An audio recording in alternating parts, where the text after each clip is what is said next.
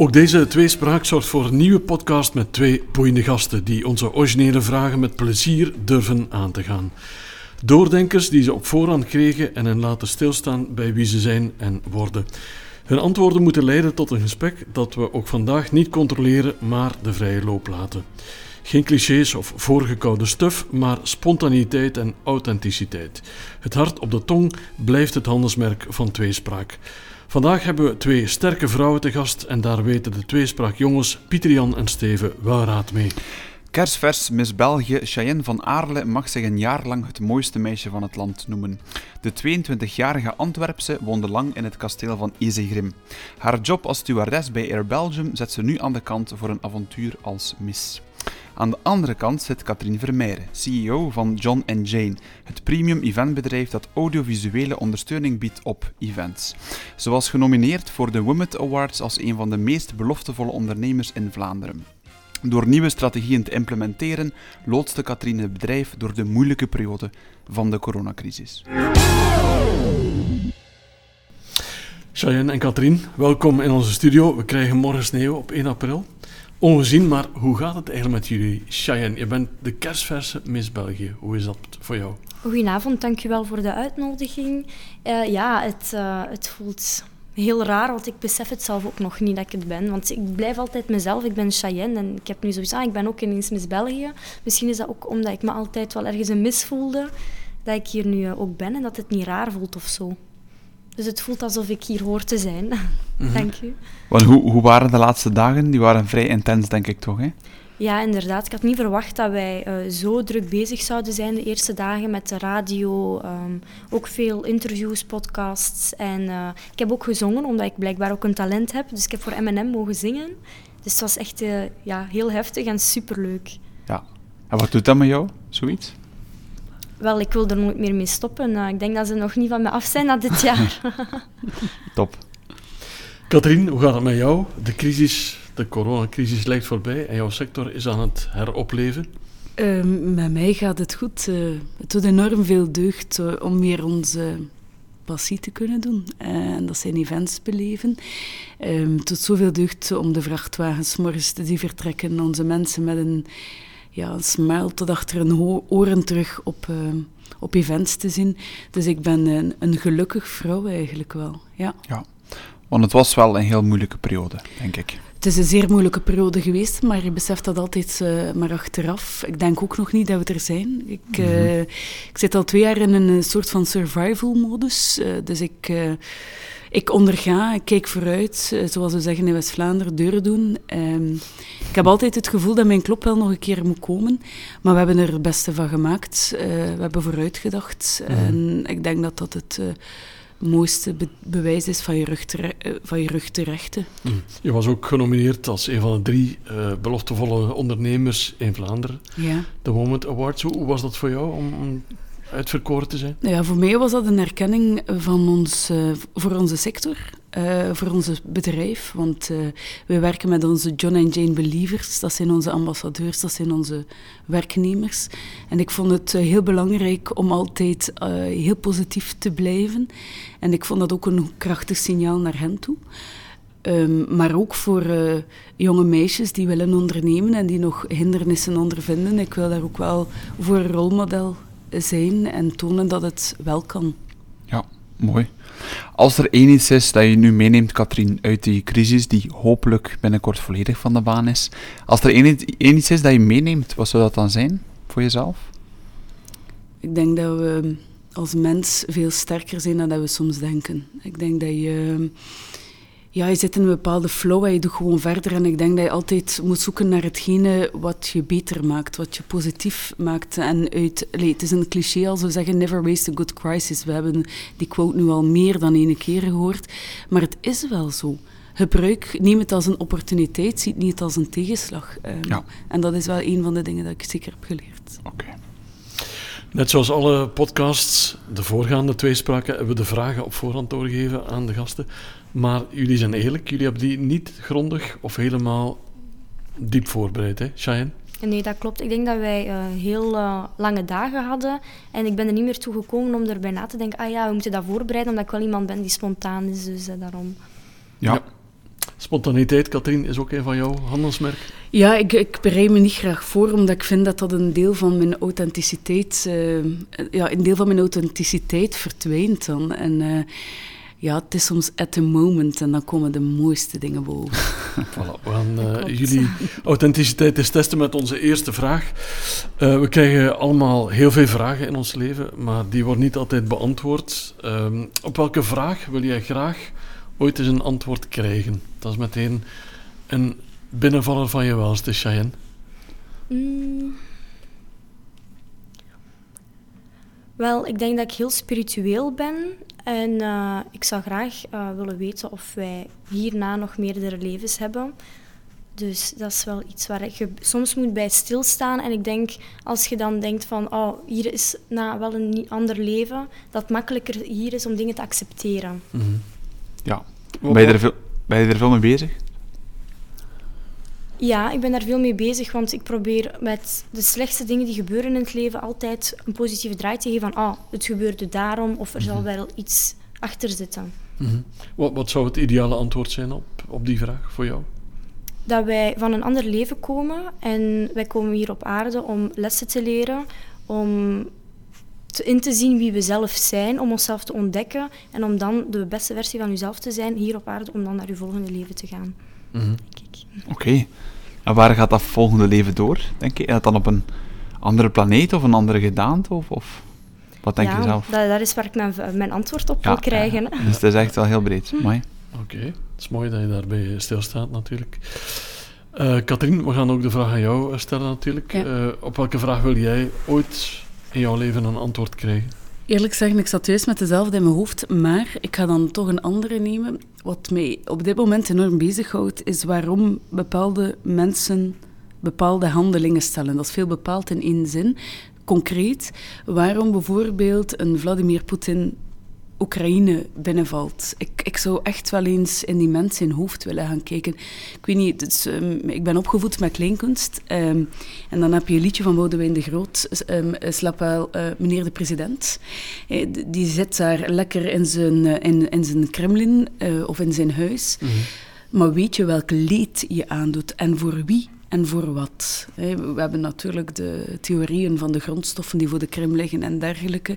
Maar ik vraag mij soms af, besef je dat? En ik zou daar wel ooit een keer willen, bij wijze van spreken, in dialoog gaan met die mensen en zeggen, maar waarom? En die ja. gaat dan waarschijnlijk mee ja, over klassen met, met beeldspraak en woordspraak, maar dan nog zou ik dat wel graag eens weten. Ja, wat erachter zit. Ja. Want het is toch wel iets die veel mensen bezighoudt deze dagen. Natuurlijk, ik denk dat dat ook niet anders kan. Dat is in onze achtertuin. Hè. Kiev ja. ligt maar 2000 kilometer. Enfin, dat is zelfs net naar Lissabon gaan. Hè. Dat is mm -hmm. echt niet ver. Hè. Mm -hmm. um, het heeft ook een hele grote impact op ons leven. Ik denk dat we op dit moment een, een volk aan het offeren zijn op on, voor onze vrijheden. Um, dat voelt soms wat ambetant. Meer zelf dan ambetant. Ja. ja. Waarom mensen dingen doen die ze eigenlijk doen. Dat is eigenlijk jouw, jouw, jouw vraag. Hè? Ja, en vooral om waarom dat mensen dingen doen om andere mensen pijn te doen. Daar kan ik niet bij. Ik vind dat vrij moeilijk. Ik, allee, we hadden het hier daarnet voordat we eigenlijk starten over hoe de mensen soms vreed zijn op sociale media. Ja, um, dat klopt. Uh, um, waarom? Ik, ik heb zoiets als de ene het goed heeft, dan ben ik ook goed. Ik heb daar heel last van. Waarom is er zoveel jaloezie, zoveel neid? Mm -hmm. um, ik, mijn hoofd kan daar niet bij. Ik, uh, mm -hmm. ik geloof nog, ik ben zeer, uh, ja, misschien uh, idealistisch dat iedereen gewoon het goede in zichzelf ziet. En ik vind dat heel jammer ja. dat mensen dat niet, niet willen zien. -hmm. Ja. sociale media is gevallen. Cheyenne, jij staat nu in de picture, jij staat volop in de belangstelling. Hoe, hoe is dat om daarmee om te gaan als, als kerstfeste Miss België? Wel, ik denk dat ik iemand ben die heel sterk in mijn schoenen staat, van jongs af aan. En uh, dat is misschien mee door mijn opvoeding, dat ze mij al heel sterk hebben gemaakt qua karakter. Maar ik ben wel iemand die um, altijd goed wil doen voor iedereen. Dus als ik dan thuis alleen ben, dan denk ik, dan raakt mij dat misschien wel. Maar ik weet wie dat ik ben en uh, ik weet wat ik heb bereikt. Dus dat, dat houdt mij wel sterk. En dan denk ik altijd, ik kijk altijd aan de kleinere mij, die altijd aan het zeggen was, oh, je gaat daar op een dag staan, dus dat geeft mij weer kracht. Want uiteindelijk ben ik het wel, dus het zal wel een reden hebben. Dus wat mensen dan zeggen op sociale media, ja... Mm. Het zijn altijd mensen die minder doen als u, die u gaan kritikeren. Ja, bedoel je dan ergens dat een jeugddroom is die, die nu uitgekomen is voor jou? Jazeker. Ik zag mij niks anders doen en uh, nu nog steeds niet. Dus, Was dat echt als klein meisje dat je zei van, kijk, later wil ik Miss België worden? Ja, zeker. Oké. Ja. Ja. Mijn ouders zeiden altijd, nee, je hebt een dikke nek, je gaat dat nooit worden. Maar het is wel gelukt, hè? ja, inderdaad. Dat heb je alleen aan jezelf te denken, hè? Ja, aan het comité die mij gelooft. Ja, maar toch, het is jij die het wel doet, hè? Ja. ja, daarom dat ik wil meegeven, als je iets wil bereiken, denk ik dat je heel hard moet werken, fysiek, maar ook mentaal voor je persoonlijke ontwikkeling. Want ja, anders gaat je jezelf niet eerst niet leren kennen. Mhm. Dat is weer al iets dat je van je bucketlist kan schrappen. Ja. Dat is lang geleden een van onze vragen in tweespraak. Ja, dat, eh, maar die is eraf, Steven. Het leven gaat door soms. We hebben hij mee naar vroeger. Het is dat, het is dat. Nee, we leven in een vreemde wereld dag van vandaag, Ja. maar we leven ook in een snelle wereld. Een wereld die ook nooit stilstaat. Die ook soms wat veel kan zijn voor onszelf. En dat vraag ik me af, ik zal beginnen bij jou, Katrien. Ehm, ja, een, een bloeiend, boeiend bedrijf, veel werk, eh, heropleving, veel stress, veel druk. Hoe gaat iemand als jou om met stress? Of, heel mooi verwoord, hoe onthaast Katrien? Ehm, ik probeer drie keer in een week te sporten, omdat dat ehm, ja, mij een eh, goede vibe geeft. Onlangs vroeg iemand mij, hoe is je work-life balance? En dan dacht ik van, ik heb geen work-life balance. My work is my life. Ehm, weet je, wat ik doe, dat is mijn passie. Ja, wat ik ben, ik, ik adem John en Jane uit, ik adem de eventsector uit. En dat is gewoon hetgene dat ik super graag doe. Ik ga daarmee eh, gaan slapen, ik sta daarmee op. En het is soms heel moeilijk om daar een balans in te vinden. En dat is niet altijd even evident. Ehm, maar ik ga tenminste met volle teugen van mijn leven genoten Mhm. hebben. Soms te veel. Ja, want ik kan me inbeelden in jouw sector dat het niet 9 to 5 is, maar echt eh, dag in dag uit loopt het door. Nee, het is 24 op 24. Ja. Eh, enfin, eh, elke dag, elke avond. Maar dat maakt het ook wel superleuk en super.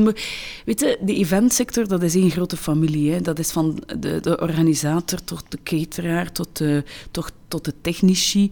En, en ja, je komt altijd ook wel dezelfde mensen tegen. Ehm, ja, en dat maakt het ook boeiend. Het is een creatieve sector. eh, ja, dat is gewoon geestig. Maar ik vraag me dan af, eh, je zegt drie keer sporten in de week. Ben je dan bijvoorbeeld iemand die een vast ritme heeft op een dag? Die zegt van ik maak 's morgens de tijd voor wat rust of, of, hoe- of s'avonds? Of, of... Ik sta om 6 uur 30, allee, enfin, om 6 uur, drie keer in de week om 6 uur 30 sport ik. Oké. Dat is dat wel met een, met een personal trainer, die haalt mij bij wijze van spreken uit mijn bed, zodanig dat ik toch iets doe van sport. Vroeger ging dat allemaal veel beter. Ehm, maar sinds het bedrijf bloeiender is en groter is, is dat... eh, Enfin, ik heb gewoon een goede excuus telkens om het niet te doen. Ehm, en ik denk dat je dat perfect kan inplannen. Eh, maar ik doe dat 's morgens vroeg. Ik ben een, een vroege vogel. Ik sta graag... eh, de ochtendstond heeft eh, goud in de mond. Dat is wel mijn motto, in, tegendeel, in tegenstelling tot mijn man. Ehm, maar daarin zijn we dan perfect complementair. Dus ik, ik start graag de dag vroeg ehm, en dan kan Ja. ik mijn, mijn ding doen. Ehm, maar ja, ik, ik lees ook wel graag. Ik ben nu heel veel aan het lezen over vrouwen en macht en hoe dat vrouwen communiceren. Waarom dat vrouwen... ehm, de stijl van communicatie dat vrouwen soms doen anders benaderd wordt als mannen, eh, omdat dat mij vrij eh, ja, inspireert en ja, dat interesseert mij enorm. Heb je al iets concreets geleerd uit wat je las? Ja, bijvoorbeeld, ehm, je hebt een boek, eh, Nice Girls Don't Get the Corner Office, en dat gaat eigenlijk gewoon over waar, hoe dat vrouwen eigenlijk worden opgevoed als meisjes. Ehm, en dat je als vrouw eigenlijk... ehm, ja, soms meisje bent en soms vrouw. Ehm, en daar heb je tips en tricks in. Ehm, maar ik ben ook de geschiedenis van, van vrouwen aan het le- lezen. Eigenlijk is het allemaal nog niet zo lang geleden dat vrouwen geen stemrecht hadden. hè. 1949. Mijn grootmoeder ehm, heeft dat nog meegemaakt. De- mijn, mijn grootmoeder, op het moment dat ze zij trouwde, was haar carrière gedaan.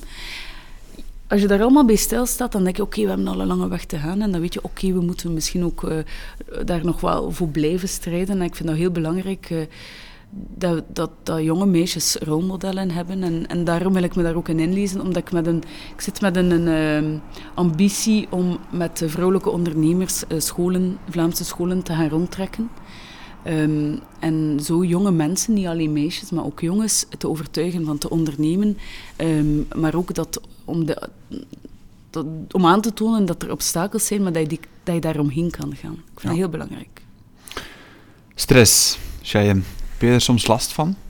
Uh, ik ben iemand die niet snel stresst. Dus ik denk dat dat van persoon tot persoon afhangt, wat je ja. persoonlijkheid is.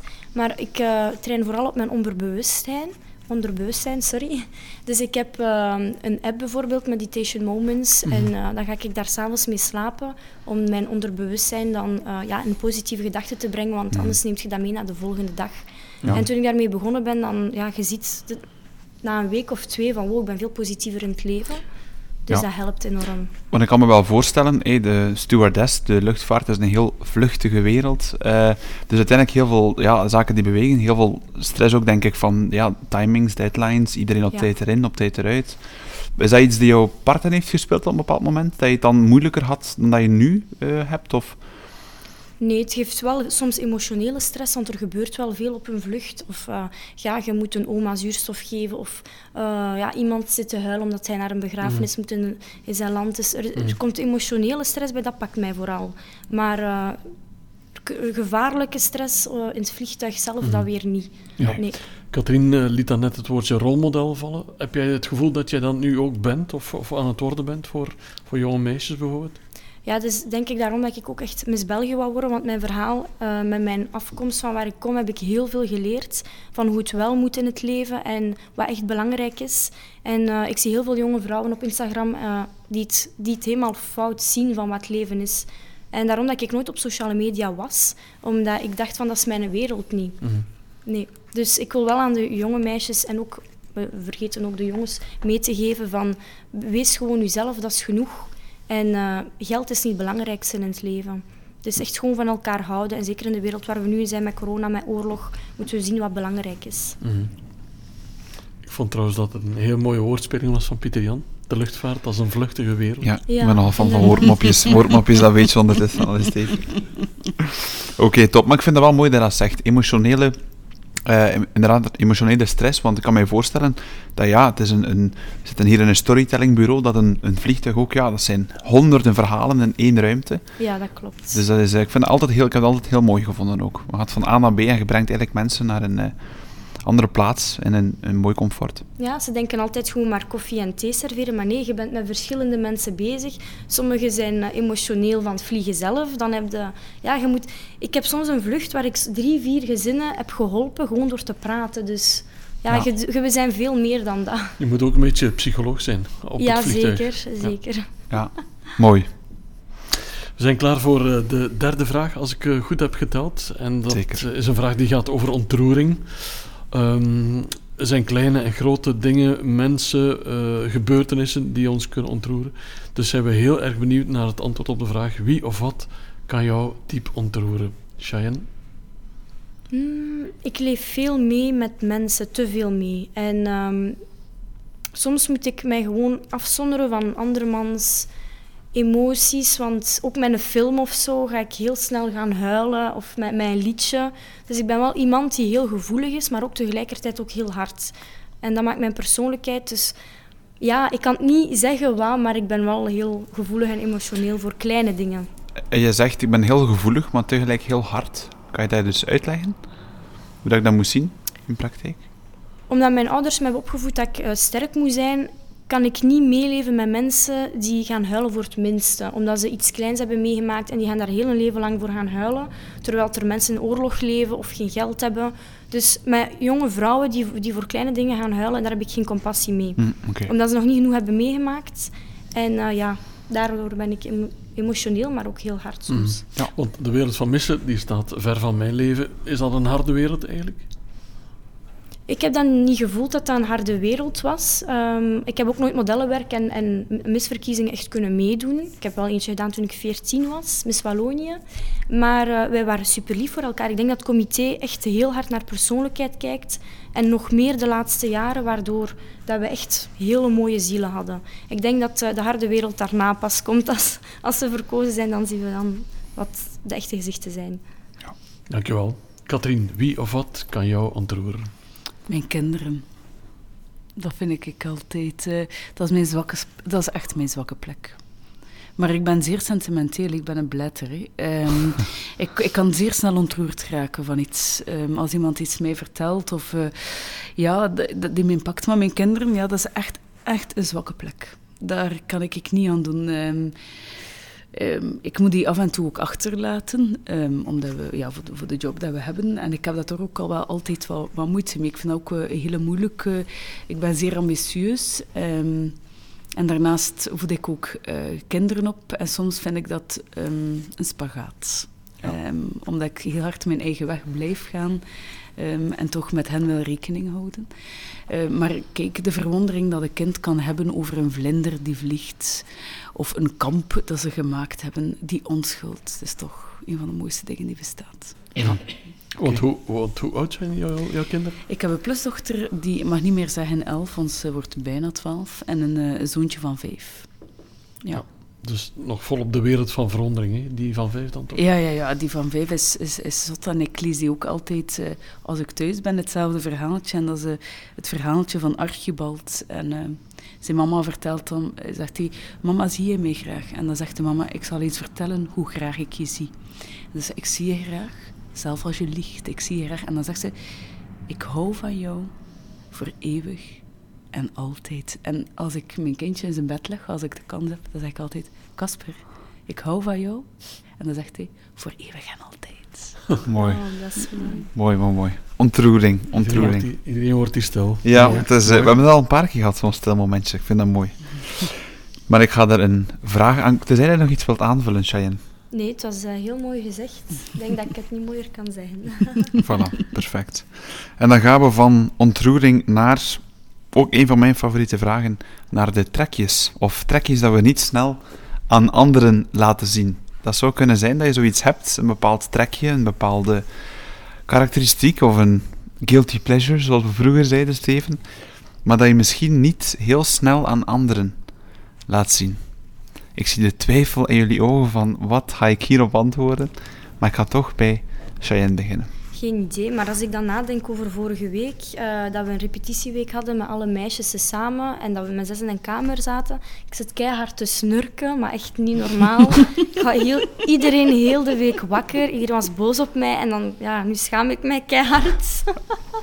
Oké, okay, dus snurken is op zich een trekje dat je zegt van, eigenlijk weet je dat niet van mensen van mij, maar... Ja, ja. Maar het is echt gelijk een man, dus... Nou, blijkbaar. Ja. of misschien overdrijfde die gewoon maar een beetje. Er zijn ook mannen die niet snurken, trouwens.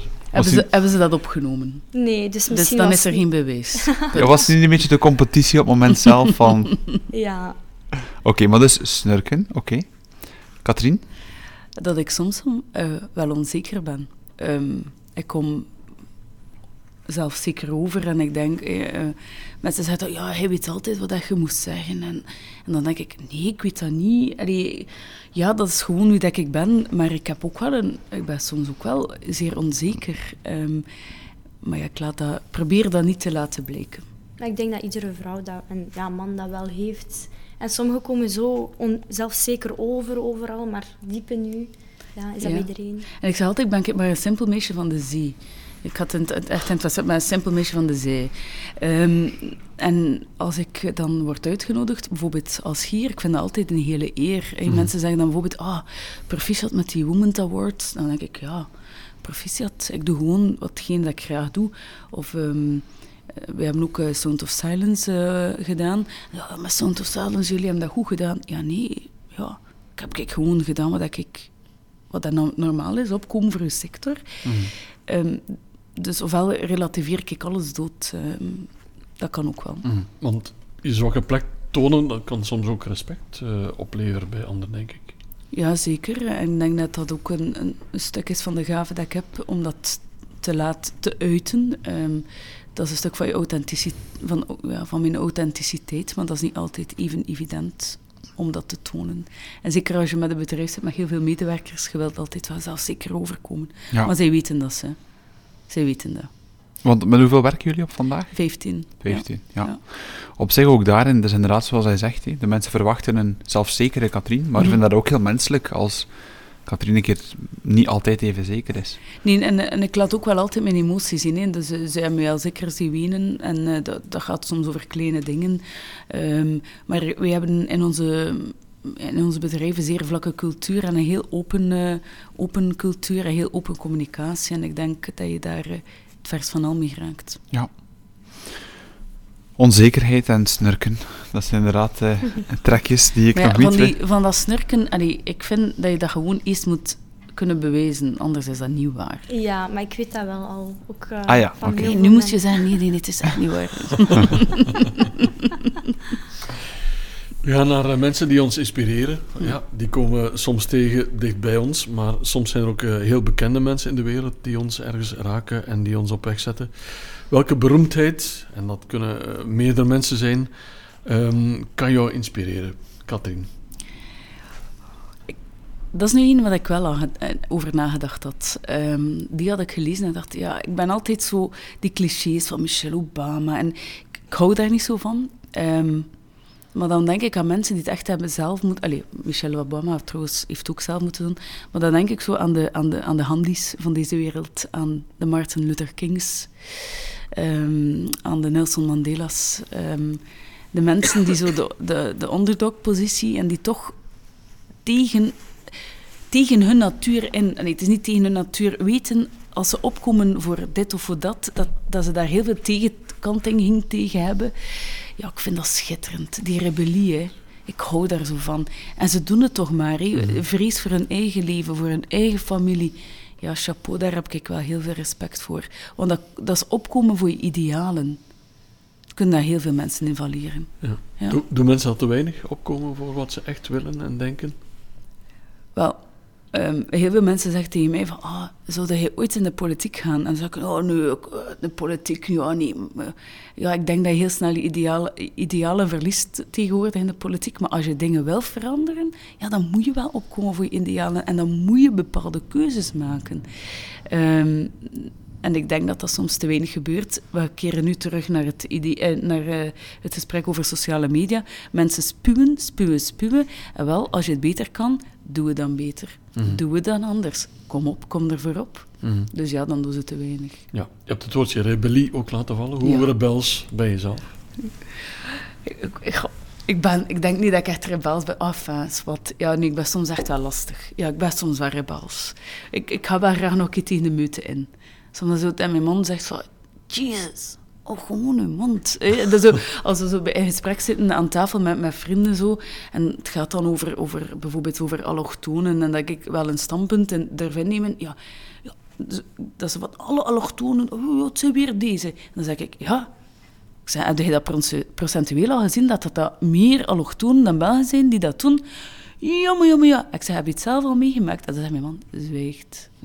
zwijgt. Ja, maar ik kan dat niet laten. Plaats, zoom out. Plaats alles in perspectief. En uh, ja, denk soms kritisch na. Doe aan zelfreflectie. Ik vind dat zeer belangrijk. Het is ook best soms aan mijn tand. Mm. Maar je bijt soms ook op je tong. Om, om... Nee, ik kan dat niet. Dat is dan mijn tand. Dat is wel dankbaar voor een podcast. Ja, ja. Zeker, ja. zeker. Dus vuur maar af. We gaan hier nog veel vragen stellen straks. uh, Cheyenne, zijn er beroemdheden die jou ergens inspireren? Wel, ik weet niet of dat een cliché is of niet, maar um, ik kijk heel hard op naar Angelina Jolie. Want uh, zij heeft... Ja, oké, okay, zij is iemand geworden, maar mm. zij heeft zoveel gedaan voor, voor arme kinderen en voor... voor de derde wereld, dat ze zelf in een depressie is geraakt en zelf haar man is verloren. En dan nog is ze blijven strijden tot ze niet meer kan. Mm. En ook met alle ziektes die ze heeft gekregen en toch blijven doorgaan en haar, en haar borst amputeren. Um, en nog, ze klaagt niet. Dus dat vind ik mooi, want er zijn heel veel grote sterren die aandacht zoeken misschien met mensen dat ze hebben, omdat ze dan meer in de media komen. Maar uh, zij uh, is gewoon echt iemand die wel heel puur is. Mm -hmm. Ja. Dus Goeie wijn trouwens, hè, van uh, Miraval. Dat is uh, van Chateau, hè, van uh, Angelina Jolie. Ken ja. je niet? Ja, ja, ja, de wijn, vandaar, klopt. Ik geen wijn, wijnkenner. Ja, ja, ja. Nee, mooie dus, flessen ook. Ja, mooie ja, zeer ja, goed. Zeer ja. mooie flessen. De zeer, zeer bekende unoloog uh, die dat... Uh, ja, unoloog, ja, wijn. Uh, die dat maakt. dat zit daar eens in de Provence. Dat is een van de betere rosés. Miraval, een aanrader. Ja, ja het staat er echt ook op aan de achterkant. Ja. Bottled by Pitt en Jolie. Ja, en denk nu enkel Jolie, denk ik. Ja, want ja, kunnen. met Pitt en... is toch niet meer... Ze zijn niet meer samen, denk ik. Maar nee, dat volg nee, ik allemaal nee. niet. Ik volg het, ze zijn niet meer samen. Ah, voilà. maar ze komt er wel over als een heel sterke persoonlijkheid ook, hè? Angelina Jolie. Ja, terwijl het eigenlijk alles behalve dat was hè, thuis. Um, Maar ja, ik denk dat alles wel zijn redenen heeft dat gebeurt in je leven als er iemand uit je leven moet gaan. Maar uh, zij, ja, zij is echt een voorbeeld wel. Mm. Heb jij dat ook, een soort van girl power, zoals Jolie dat ook wel heeft? Als ik uh, daar de kans voor zou krijgen, ja. Want ja, natuurlijk, zij heeft heel veel macht, heel veel geld. Zij, zij kan het allemaal wel doen, maar ja, ik kan, ik kan wel mijn best doen al in België. Daarom ben ik Miss België ook, hè. Ja, mooi. Ik vind het toch wel ook altijd moet opletten als uh, mensen die macht hebben, ook wel een keer een macht, zoals je daarnet zei, misbruiken. Of als ik denk aan de passage nu van Will Smith op de Oscars, wow. die toch wat zijn eigen macht wat uh, te buiten ging. Op zich ook een, op zich een mooie show geweest, maar het is dan ook wel jammer als je ziet dat zo'n invloedrijke personen ook eigenlijk uh, alles van naar beneden kunnen halen. Maar gelukkig was het blijkbaar een heel mooie show van de misverkiezing. Ja. Die moeten we trouwens nog dringend inhalen, Steven. Ja, het was echt prachtig. Het is de mooiste Miss België-verkiezing ooit. Dus uh, zeker naar kijken. Voilà, voilà. En geen slap in the face is enkel een, een zeer goede show. Ja. Er is niemand op het podium uh, gesprongen? Niemand of... gevallen, geen BH's dit jaar die rondhangden aan uh, de jurken. Nee, het was allemaal mooi. Okay. Fantastisch. Schitterend. Oké. Okay. Dan gaan we door van beroemdheden naar uh, vergelijkingen. Je hebt het daarnet al heel eventjes misschien onbewust gezegd, Cheyenne, maar um, dat je zelf soms uh, jezelf ziet als klein meisje of als jongere persoon. Maar stel nu dat je jezelf vergelijkt met wie dat je tien jaar geleden was. Wat is er dan volgens jou allemaal veranderd? Want dan ben je twaalf jaar. Um, stel dat je jezelf vergelijkt met de twaalfjarige Cheyenne. Wat is er volgens jou allemaal veranderd? Of voornamelijk veranderd? Wel, ik ben altijd heel volwassen geweest, dus ik wist wel goed wat ik wou. Um, ik denk eigenlijk niet veel, want ik ben altijd mezelf gebleven en de, de, manier van naar mezelf te kijken heb ik nog steeds. Dus eigenlijk niet veel. Uh, natuurlijk ben ik geëvolueerd als persoon en, en weet ik van, oh, ik, kan, ik heb veel ambities, ik kan veel kanten op. Dus dat, dat heb ik nu wel meer, maar ik ben niet meer bang voor niks meer. Mm. Dus misschien was ik vroeger te bang, want ik wou heel snel stabiliteit en, en, en alleen wonen en het moet allemaal volgens boekje gaan en nu ben ik voor niks meer bang. Mm. En had je die ambitie ook al toen je twaalf was? Want je komt over als iemand die heel ambitieus is ook, denk ik. Ja, um, ik, wou, ik wou altijd heel veel. En dan zeggen mijn ouders altijd, je wilt altijd zoveel. Maar ja, ik, altijd wat ik zeg, komt er wel van. Dus uh, nu geloven ze mij wel meer. ja. En stel dat je zelf tegenkomt, dat je zelf op straat plots de 12-jarige Cheyenne ziet, zou je ze een bepaalde tip of raad geven voor later? Of, of zeggen van, ook daar wist ik eigenlijk vrij goed wat ik moest doen? Nee, gewoon mezelf blijven en erin geloven. Ja. Ik heb nu niks dat ik kan meegeven, want ja, ik denk altijd wel goed na voor ik keuzes maken. Dus, uh, ja. ja. Oké, okay. okay. helder. Katrien, je hebt daarnet zelf aan de luisteraars verklapt hoe oud je bent. Als je tien jaar terug gaat, ja. dan ben je eind de twintig, we mogen het zijn. Uh, ja wat is er zo allemaal veranderd in jouw leven? En, en ja, als je jezelf vergelijkt met, die, met dat meisje van toen? Ik was onbezorgd. Dat mis ik. Ja, die onbezorgdheid. Mm. Zo, ik weet het, uitgaan. Ik heb, ben hier nog uitgegaan in de, in de Bras in Kortrijk. Um, en de dag daarna niet nadenken van, oh, moet dat doen? Of, of mm-hmm. ook geen verantwoordelijkheden. Um, ja, ik zou zo één dag nog een keer willen zo twintig zijn zo één dag, dat ik, dat ik nog studeer, dat ik, dat ik, en te volle genieten van dat moment. Op het moment dat je studeert, denk je, oh ja, ik heb ik geen leven. Ja. heb wel een schoolleven. Ja, en die Katrien, ik ben wel een persoon die heel lang op zoek geweest is naar mijn identiteit. Um, ik heb... Um, ik heb goed geleefd. Hè. Ik heb een jaar in Costa Rica gewoond. Ik heb gestudeerd. Um, ik, heb, ik heb er goed van genomen, ik ga het zo zeggen. Um, en ik ben op latere leeftijd, op latere leeftijd op mijn 29e, mijn man tegengekomen. En dan is alles veranderd mm -hmm. in de zin positief, maar ook een bedrijf uh, erbij. En ik ben wel altijd ambitieus geweest. Ik heb dat ook al gehad. Hè. Als ik jou vertel, ik wist wel wat ik... Ik wist niet wat ik wou. Ik wou ik had altijd zoiets, ik ga ondernemen, ik ga, ik ga een bedrijf hebben en, en dit. Maar ja, ik was daar op mijn twintig totaal niet mee bezig. Ik zat kijk in de scouts te ploeteren, pintjes te drinken. Ik was wel groepsleidster. Enfin, hé, dan deed ik ja. dat, dat wel. Maar ja, onbezonnen leven, zalig, hè. Mm. En welke goede raad zou je bijvoorbeeld jonge ondernemers die deze podcast misschien ook horen, willen meegeven? Als je in iets gelooft, moet je niet altijd gaan zoeken achter hetgene dat geld opbrengt. Maar als je iets met passie doet en met authenticiteit, dan ga je heel ver raken. Ik ehm, vertel altijd het verhaal, ehm, want ons bedrijf is gestart uit een jongetje van negen jaar. En dat was een jongetje van negen jaar die een passie had voor, voor licht en geluid. En ehm, zijn buurmeisje die spreekt er nog altijd over. Oh, my. Hey, hij was er nog sterk mee bezig, en, maar die heeft zijn passie gevolgd en heeft daar een bedrijf van gemaakt en is dat verder blijven geloven.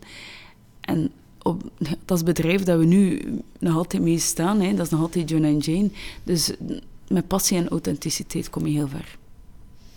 En die naam van het bedrijf, dat integreert me wel. Ja? Zijn dat, is dat die jongen en zijn buurmeisje? Nee, nee. Nee, John en Jane kan je in de Anglo-Saxische landen noemen ze mensen die ze niet kennen, noemen ze die John en Jane Doe. Ja. ja. Technici, uh, of onze, de audiovisuele sector, dat zijn de mensen van de eventsector die je niet kent. Want die komen opbouwen wanneer er niemand in de zaal zit. Als de show van Miss België bezig is, dan zitten ze achteraan de regie en zorgen zij dat de missen goed worden uitgelegd. Als er klank is, dat die goed worden gehoord als er video's zijn, dat die op het juiste moment worden afgespeeld. Je ziet die niet. Dus die zijn eigenlijk de John, Johns en de Jane Doe's mhm. van de eventsector. Ja. En John en Jane verwijst naar partnerships ook. Dus voilà. Er wordt over nagedacht. Storytelling. ja, het zal wel zijn. mooi, zeer mooi. We gaan er nog eens een andere vraag, een persoonlijke vraag tegenaan gooien. Dat hoort zo bij tweespraak. En we gaan eens naar liedjes, boeken en films. Die vraag nemen we altijd als een van de laatste, maar in deze uitzending gaan we dat nu niet doen. met welk boek, met welke film, met welk liedje heb je zelf ergens een persoonlijke band, Cheyenne? Wel, uh, ik heb hiermee Miss Talent gewonnen bij Miss België. Want ik zoek altijd mezelf in liedjes of in, of in boeken of in films. Dat is het liedje van het uh, Frans Eurovisie Songfestival, um, Barbara Pravi, voilà. En uh, die staat gewoon op podium, alleen, met een licht op haar in het Eurovisie Songfestival. En uh, die zegt, kijk, dit is wie ik ben. Ik heb niks meer. Ik heb enkel wat ik, wat ik hier vertoon, mijn mhm. ogen, mijn handen. En hiermee gaat het moeten doen. En um, ja, die, die, die heeft een heel sterk karakter. En dat liedje ligt me echt nauw bij het hart. Mm Want Eurovisie Songfestival, als ik daaraan denk, dan is dat altijd met heel veel show en bombardie. Bij Pravi, bij Barbara Pravi, is dat heel, heel sober ook, denk ik. Ja, en dat heeft mij heel hard gepakt, want iedereen wil heel veel show verkopen en, en die zijn daar jaren en dagen mee bezig. En Barbara Pravi had zoiets van, ik ga daar gewoon alleen staan, mijn licht op mij en uh, ja, mhm. de sterkheid van een vrouw tonen. Ja. Lijkt ze ergens op jou? Um, ja, dat liedje misschien wel. ja, en waarover gaat het liedje voor de mensen die het niet kennen? Over um, dat je gewoon jezelf moet zijn en dat mensen je maar moeten accepteren zoals je bent. En dat is vooral ja, heel belangrijk. Mm Want in de aanloop van de verkiezing heb jij ook gezongen. Is dat ergens ook een droom van jou om, om in die richting eh, uit te gaan? Wel, uh, waarom niet? Um, het comité is achter mij om uh, mij daarin te lanceren, dus waarom niet een zingende mis? Ja. Het zou wel zijn. Het zou wel zijn. Fantastisch. Nu nog een producer of een, uh, iemand die wat mee, ondersteunen daarin? Ja, Super. inderdaad. Top. Katrien, welk boek, welke film, welk liedje ja, is, is heel bijzonder voor jou? Um, ik heb... Um, ik hou heel hard van het uh, klarinetconcert van Mozart. Dat uh, duurt exact ongeveer 12 minuten. En ik kan daar echt uh, van ontroerd raken. De, ik heb het al gezegd, dat ik sentimenteel ben. Um, oprecht, ik zit al keihard luid in mijn auto en dan weet ik, oh, zalig, even onthaasten. Maar ik, kan, ik ben ook wel zot van het van smartlappen. Van wat? van smartlappen. Smartlappen. Je hebt zo het liedje van Hazes, Als je alles weet. Mm.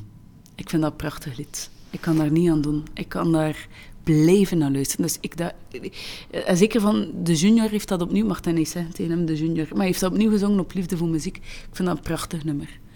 Um, en ik heb zo ook, eh, doordat ik in Costa Rica heb gewoond, zo um, Spaanse muziek, uh, Porque te vas van Mana. Ja, ik heb zo mijn playlistjes dat ik opleg en uh, ik word daar dan soms gelukkig van en soms uh, een beetje ontroerend is in welke stemming dat ik ben. En ik probeer ook heel veel te lezen. En bijvoorbeeld het, het smelt van, van, van Lise Spit te zien en van mm boeken dat ik super mooi vind. Uh, allee, mooi. Dat is eigenlijk een zeer tragisch boek. Het komt binnenkort een film van uit. Ja. Um, maar ja, enfin, ik, ik, ga altijd wel een beetje sen de sentimentele tour op. Mijn man zegt dan altijd, oh nee, ga weer kijken zo naar, naar een romcom. En ik zeg, ja, dat is super cool. En zegt hij, nee, nee, eh, een thriller. Maar daar, daar word ik dus totaal niet blij van. Um, maar enfin, dus Ja. ik ga altijd wel een beetje een sentimentele tour op. Eh, Ja. ja. Noem eens een goede romcom die de mensen moeten zien. Notting Hill. I'm just a girl standing before a boy, Ja. asking him to love her. Prachtig. Notting Hill. Akkoord? Hugh, Hugh Grant Jazeker. ja. Ik, ik zat te denken aan Four Weddings and a Funeral, maar dat is een beetje Dat is een beetje hetzelfde. hetzelfde. Maar ehm, aan Notting Hill, ik weet ook nog perfect, dat was nog in de Rialto in Oostende. Ik weet met welke vriendin dat ik die gaan bekeken heb en in welk café dat we achteraf nog iets gaan drinken zijn. Dus dan moet ik je voorstellen, dat is een film, ik heb die waarschijnlijk al twintig keer herbekeken.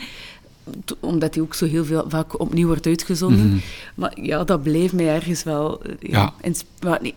is niet het woord, dat is gewoon leuk. Beetje zoals The Holiday, of toch nog iets een ander kaliber? Ja, dat, vind ik alweer iets platter. Ik vind, Ja. ik vind die Notting Hill en ook die sfeer van Londen. Londen is toch een Mm.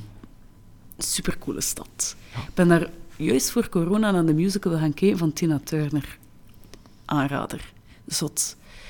Ja, ik, ik vind ja, musical en al die dingen, ik vind dat superleuk. En Londen, ja, dat is een mooie stad. Hè. Het zou wel zijn. Ja. Zou wel zijn. Maar dan ben ik ergens verbaasd dat je toch ook kiest voor smartlappen, want dat is iets helemaal anders. Hè. Ik ben daarmee opgevoed, hè. dus ik kom uit de familie. Dat was zo van, allee meisje, staat ik hier op tafel. Hazes wordt nog altijd luid meegekweeld op elk familiefeest. Soms tot grote ergernis van de, van, van de schoonfamilie. Ehm, maar eh, ja, dat zit zo wat in ons bloed. Ehm, Ik kan daar niet aan doen. In de scouts waren we ook al de die eh, begonnen mee te zingen. Ja, dat is folklore, hè. Ja, zou wel dat, ik vind dat we als... allee, als je kijkt in Duitsland naar die shows en in Nederland heb je dat ook. hé, de vrienden van Amstel en André Ha- de vrienden van André Hazes. Ik vind dat wij daar te weinig fier op zijn. Ik las vandaag in, eh, eh, dat eh Siska Voeters en noemt hij, Niels de Stadsbader weer een programma gaan maken over muziek. En ik dacht, ja, dat hebben we nodig.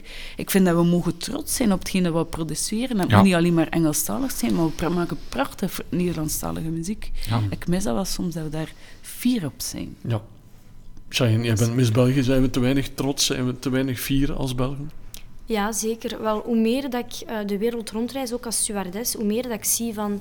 Goh, ik wil eigenlijk naar huis. Want niet heel veel mensen kunnen tippen aan wat wij hebben, aan wat wij inderdaad produceren, eh, wat wij te bieden hebben en de zorg die wij hebben. En ik denk op jonge leeftijd al, toen ik als 19-jarige al begon te, te vliegen, merkte ik dat al toen ik naar Canada ging of naar Amerika vooral. Dus eh, ja, ik denk als je als jong meisje begint te reizen, dat je veel dingen beseft.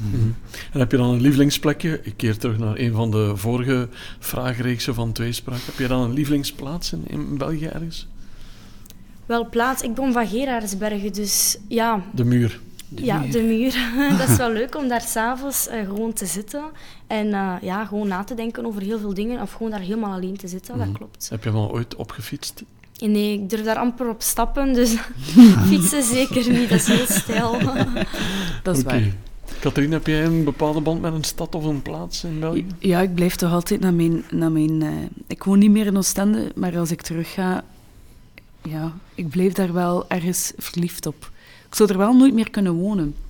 Maar dan ga ik zo op de, op de dijk gaan wandelen. En uh, ik vind dat nu superleuk met, met de kinderen. En dan, ik weet niet, als je het groot beeld... Je hebt de, je hebt de, de blokken van Arne Quincy. En dan heb je een rood uh, zeemansbeeld. En in mm -hmm. Oostende noemen ze dat de pisser, omdat hij naar de zee, zogezegd, plast. Mm -hmm. En dan kan je daar gaan rondlopen en de zon zakt. En dan ik word daar gelukkig van. En de geur van de zee, van de, zeker van de Noordzee, dat heeft iets zeer specifieks. Dus ja, ik kom dan... Ik vind dat wel geestig. Ja, dat is geestig. Ja.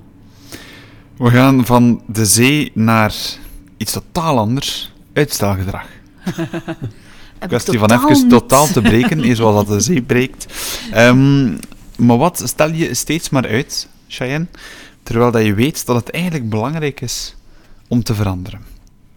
Um, mijn auto opruimen, dat is altijd iets wat zich opstapelt. Maar nu ben ik daar helemaal anders in.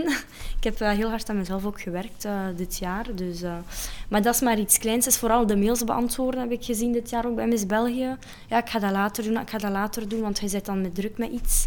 En nu heb ik zoiets van, als ik een bericht binnenkrijg, ga ik daar direct op antwoorden. Ja. Op alles. Dan moet je niet denken, ah, ik moet straks dat nog beantwoorden. Of, ja, vooral mails. Hij zei daarnet, je hebt daarnet een beetje verklapt, over uh, beantwoorden en ook reacties, waar ze een beetje de...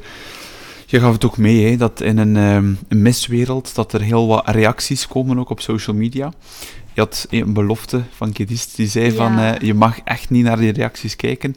Um, volg je dat 100%? Of heb je zo wel ergens nieuws, ben je zo wel ergens nieuwsgierig geweest om toch te piepen, wat als ze reageren op jouw foto's, of, of kan je echt zeggen van, nee?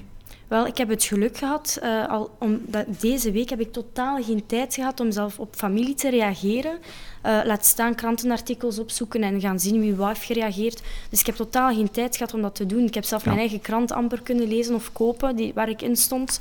Dus uh, ja, gelukkig heb ik dat niet allemaal kunnen bekijken. Maar ik ga dat ook Ja. niet doen, want ik heb er geen nood aan. Want ik weet wie ik ben en uh, ik heb zo hard gewerkt om hier te staan dat ik niet hoef te zien wat mensen van mij denken. Nee, nee. Dat is mooi. Ja. Dat is heel mooi. En opvangen van andere mensen, uh, ga je dan makkelijk een plaats kunnen geven, denk je? Of wordt dat toch een beetje persoonlijk dan? Ja, ik heb al berichten gekregen van vrienden en uh, familie die zeggen: Oh, dat is er gezegd, maar trekt u dat niet aan? Uh, en ik heb dan nog niet eens een neiging om te gaan kijken. Nee.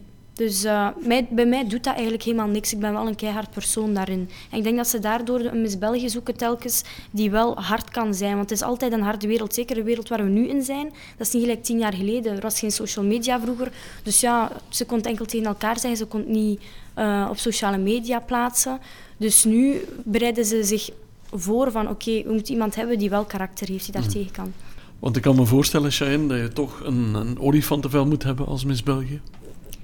Ja, inderdaad. En uh, ik denk dat ze daarom een jaar lang met de finalisten en de kandidaten op pad zijn om echt te zien van wat voor persoonlijkheid hebben die. En dan nog tot de show zelf weten ze soms nog niet van, ja, ze zitten in de twijfel tussen, ja, zoals dit jaar drie meisjes bijvoorbeeld, of vier of vijf. En uh, ze moeten echt zeker zijn van de keuzes die ze maken. Hè? Want nu moeten echt hard kunnen zijn. Mm. Je hebt het waarschijnlijk al tienduizend keer moeten vertellen, maar welk gevoel ging er door jou heen als jij hoorde dat jij de Miss België geworden was? Ik dacht, nee, dat kan niet. We hebben hier een fout gemaakt. ja, ik was in shock. Ik wist niet hoe dat, dat voelde om in shock te zijn in je leven. Want ja, ik ben iemand zo heel lak soms. Ja, nu heb ik dat wel geleerd om zo... Allee, ik heb niet veel stress, maar ik, ik kon alleen maar één ding doen. En dat was uh, ja, Kedist en Darlene knuffelen. Ja, dat was heel mooi. En ik denk dat ik het nog steeds niet besef, maar het voelt normaal of zo. Het, ik voelde al het heel jaar door, van, ja, al heel mijn leven, van... Mm. Ja, maar ik ben Miss België, dus mm. het voelt niet... Ja, het voelt niet raar. Mm. En heb je die beelden al een paar keer teruggezien ondertussen? Ja, zeker. Ja. Ik heb niet heel veel tijd gehad om alles terug te bekijken, maar... Uh, ik, uh, ik heb wel al een paar momenten gehad dat ik heel emotioneel was. Bijvoorbeeld, ik was in een interview uh, in Wallonië, in Sudanfo. En uh, dat kwam dan ook ja, op televisie en dan mocht ik ineens te huilen. Dus soms komt die emotie dan wat later bij mij. Oké, okay, mooi. Katrien, we gaan de vraag ook aan jou stellen. Wat stel je graag uit wat je eigenlijk direct zou moeten aanpakken in jouw leven? De was doen. Keuzen. Nee, maar ik doe dat niet mezelf, mag dat niet zeggen. Um, ja, ik, ik, ik heb de neiging om, um, om mails en dergelijke wel te laten liggen. Um, en zeker dingen die niet positief zijn. daar kan ik soms uh, ja, lang op chicken, zoals we zeggen. Dus dat vind ik wel, dat laat ik wel liggen. Ja. Is dat dan een soort van feedback die je krijgt op dingen die jullie organiseerden of zo? Of hoe moeten we dat zien? Nee, ik krijg dat vaak van mijn medewerkers die ook wel zeggen dat ik um, vaak afwezig lijk. Um, maar dat is omdat ik ja, bezig ben met andere dingen en um, je wordt dan gestoord. Ik, ik zeg altijd, mijn bureau is het, uh, het, is het liedje Heb je even voor mij? Tok, tok, heb je even voor mij? En dan denk ik, ja, nee, uh, ja, ik ben juist bezig. Wacht, concentratie. En dan ben ik nog bezig en zij, ik zeg ja. En die vertellen, maar eigenlijk luister ik niet. Dus voor mm. mij is dat echt wel een werkpunt als ik zeg van, nee, nu niet. Kom bij je een half uur terug. Maar, enfin, dan zeg je, ja, hij zei wel soms afwezig. En dan zeg je, ja, ja, morgen. ben, op het moment dat ze gedaan hebben en vertellen, ben ik het eigenlijk al Mhm. kwijt. Dus dat is wel een werkpunt en een, ja, iets dat ik moet opletten. Betekent dat dan ook dat je moeite hebt met multitasken, of is dat iets anders dan? Ik geloof totaal niet in multitasken. Ik vind wel dat ik heel veel bordjes omhoog hou. Ik ben mama, ik ben bedrijfsleidster, soms met lange ei en soms met een korte ei. Ehm, ehm, ik ben dan een, eh, een spokesperson voor de eventsector, ik ben, eh, ik, ik ben partner. ehm, enfin, en soms vind ik het allemaal jongleren Mhm. is, is, is zeer moeilijk, vind ik. Ja. Ja. Dat is wel een uitdaging, hè? Ja, maar ik kan dat goed geloven. En dan moet je nog plannen, want die kinderen moeten op kamp. Maar dan heb je ook een bedrijf die, waar dan er 15 aan je deur staan. Ja, het is niet altijd even evident. Nee. Ja. Volgende vraag is een, ook een persoonlijke favoriet. zijn allemaal favorieten blijkbaar. dat is, ehm, welke kleine gelukjes, Katrien, maak je intens blij? Ik heb er, moet zeggen dat ik er wel al een paar gehoord heb vanavond. Maar zijn er van die extra kleine gelukjes, dat je zegt van, dat maakt mij nu echt een keer intens blij. Er is één. Ik ja, weet je, weet je dat mij super blij maakt? Dat is de vrijdagavond, is bij ons aperitiefavond. En als ik dan die fles champagne open, toek, zo, zo, met een zuchtje moet je dat doen, hè. Zo, Mhm. Je schenkt dat glas in. Die kinderen krijgen dan kiddenboel. En dan zeg je... Die kinderen. Ja, die kinderen. Dan zeg je, eh, we gaan proosten. Dan zeg je, en dan doen wij... Hup, op de lameres. En dan drink je dat eerste slokje. En dan denk je... Zalig. Mhm. Wat een mooi leven. Elke vrijdagavond. Elke... Soms nog meer. Maar Ja. elke vrijdagavond. Amai. Het lijkt Ja. me echt zo'n momentje waar, waar het leven stilvalt, Ja, onder omdat- jullie ja. vier dan misschien. o- ja, onder ons vier, omdat ik het heel belangrijk vind in de, in de, ja, in de ratrace dat we zitten, om Mhm. heel bewust dat moment te houden. En we kiezen daar echt heel bewust voor om die dag ook niet te gaan eten, om, om afspraken te maken. Tenzij dat er een event is dat je echt niet onderuit kan. Maar dat staat als... eh, en dan ja, eten we ook altijd hetzelfde. Altijd. Gehaktballetjes en tomatensaus met kroketjes. Altijd, altijd. Maar die kinderen weten dat. Hè. Dan, ik, mijn, mijn kleinste zegt dan, is het nu vrijdag? Gaan we dan aperitieven? Dus dat is, ja, dat is leuk. Ja. en dat maakt me echt intens blij. Ja, Dat is, mensen- de incent- de, dat is echt de essentie van het leven, toch? Die kleine dingen, die, het leven zo moeilijk... dingen, Ja. ja. Want de mensen die weten dat niet. Het is vandaag donderdag, dus morgen is het weer zo. Mañana, mañana. Ja, het zal wel zijn. En morgen komt ook uitzonderlijk de podcast al online. Is het echt? Ja, dat is echt waar. Ja, dan gaan ze allemaal Morgen- verplicht ja, ja. moeten luisteren. Morgenavond kan je hem al beluisteren. Super. Zware belofte, maar het is zo. Gelukkig Ja. hebben we ons niet, eh, niet te veel versproken. Nee, het viel, het viel mee. Het viel mee. We hebben ook niet veel moeten knippen vandaag. Nee, Nee, nee, nee. voilà, Dat voilà. is waar, dat is Maar we zijn er nog niet, we zijn bezig met de vraag. Cheyenne, heb jij een klein gelukje dat je intens blij maakt? Wel, ik denk als mensen of onbekende mensen gewoon lief zijn voor elkaar. Mm.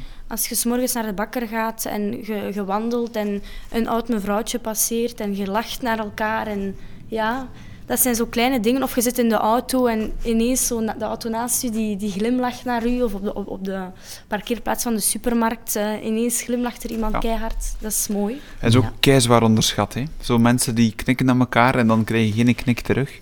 Ik denk dat dat op zich zoiets is. Ik doe dat dus expres, hè. Als ik rondloop, hè, dus ergens, en dan zeg ik, ik maak daar een sport van, hè. Hallo, Ja. goedemiddag. En dan heb ik weet hoeveel mensen, kop naar beneden, allee, of hoofd naar beneden, maar ik vind dat de max om te doen. Ja, Ja, want dat is effectief wel echt zo. Want eh, je vertelt dat nu zo heel mooi, ehm Cheyenne, maar hoeveel keer gebeurt dat? Want uiteindelijk, toch, allee, het is toch in mijn ogen zwaar onderschat dat de mensen de dag van vandaag spontane vriendelijkheid een beetje afgeleerd zijn, vind ik. Ja, we doen precies of wij allemaal aliens zijn soms zo op straat. Dat is, Ja. dat is heel jammer, want ik heb nog nooit in mijn leven, ook al voel ik mij slecht of ook al heb ik de, de ergste dag van mijn leven, heb ik nog nooit vriendelijk... Ik ben altijd vriendelijk geweest. Ja. Altijd nog een dag, altijd nog een avond. En ja, ik denk dat dat een beetje ook in de opvoeding is, dat we zoiets hebben van, ah, je kent die persoon niet, je moet daar niet tegen praten, want... eh allee, ja, Ja. dat is in de Belgische opvoeding, denk ik ook een beetje. Ja, want het omkeren is de realiteit. We leven allemaal een beetje in een verzuurde maatschappij. Is dat net ook een beetje aan, aan bod gekomen? Ja, als we er zelf niets aan doen, dan gaat het nooit veranderen natuurlijk. Nee, en daarom moeten mensen die een beetje macht hebben of een beetje veel volgers eh, het goede voorbeeld geven van hoe het wel moet. Hm. En heb je de indruk dat jij zelf ook een soort van voorbeeldfunctie hebt als, als, als Miss België?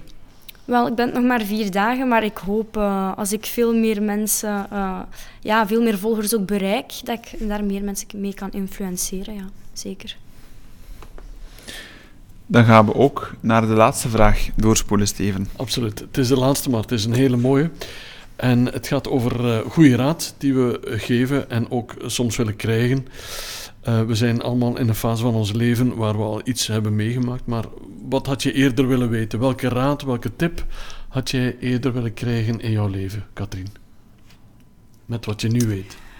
Ik weet nog goed, toen ik een jaar of 18 was en uh, ik had met mijn mama een gesprek. En mijn, mijn ouders zijn al samen van een 16 jaar.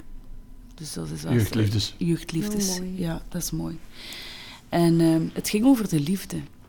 En uh, ik zei, ja, kijk mama, kijk, al, jij en papa die hebben elkaar altijd graag gezien. En die zei toen tegen mij, maar meisje, denk jij altijd dat dat zo makkelijk is geweest? En ik, ja, ja, zo naïef dat hij zei dan.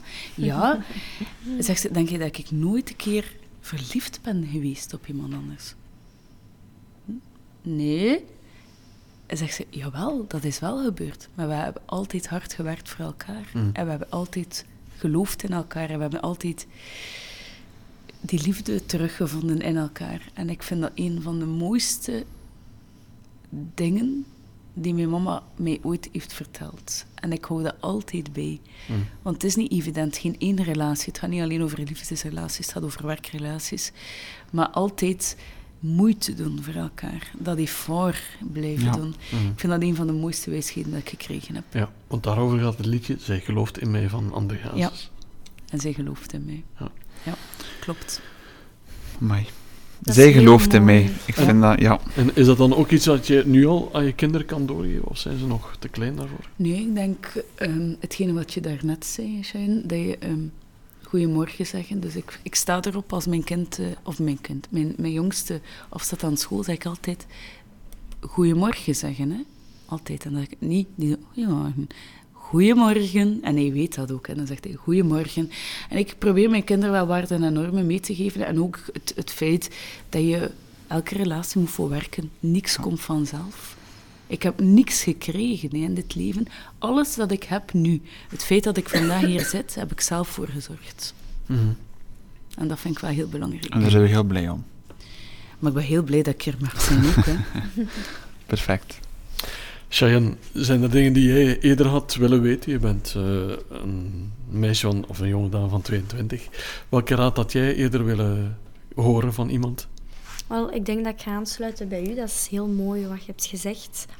Um, en ik, ik zou kunnen zeggen van ja, je gaat mensen tegenkomen of liefdes tegenkomen waar je twee keer bij moet nadenken.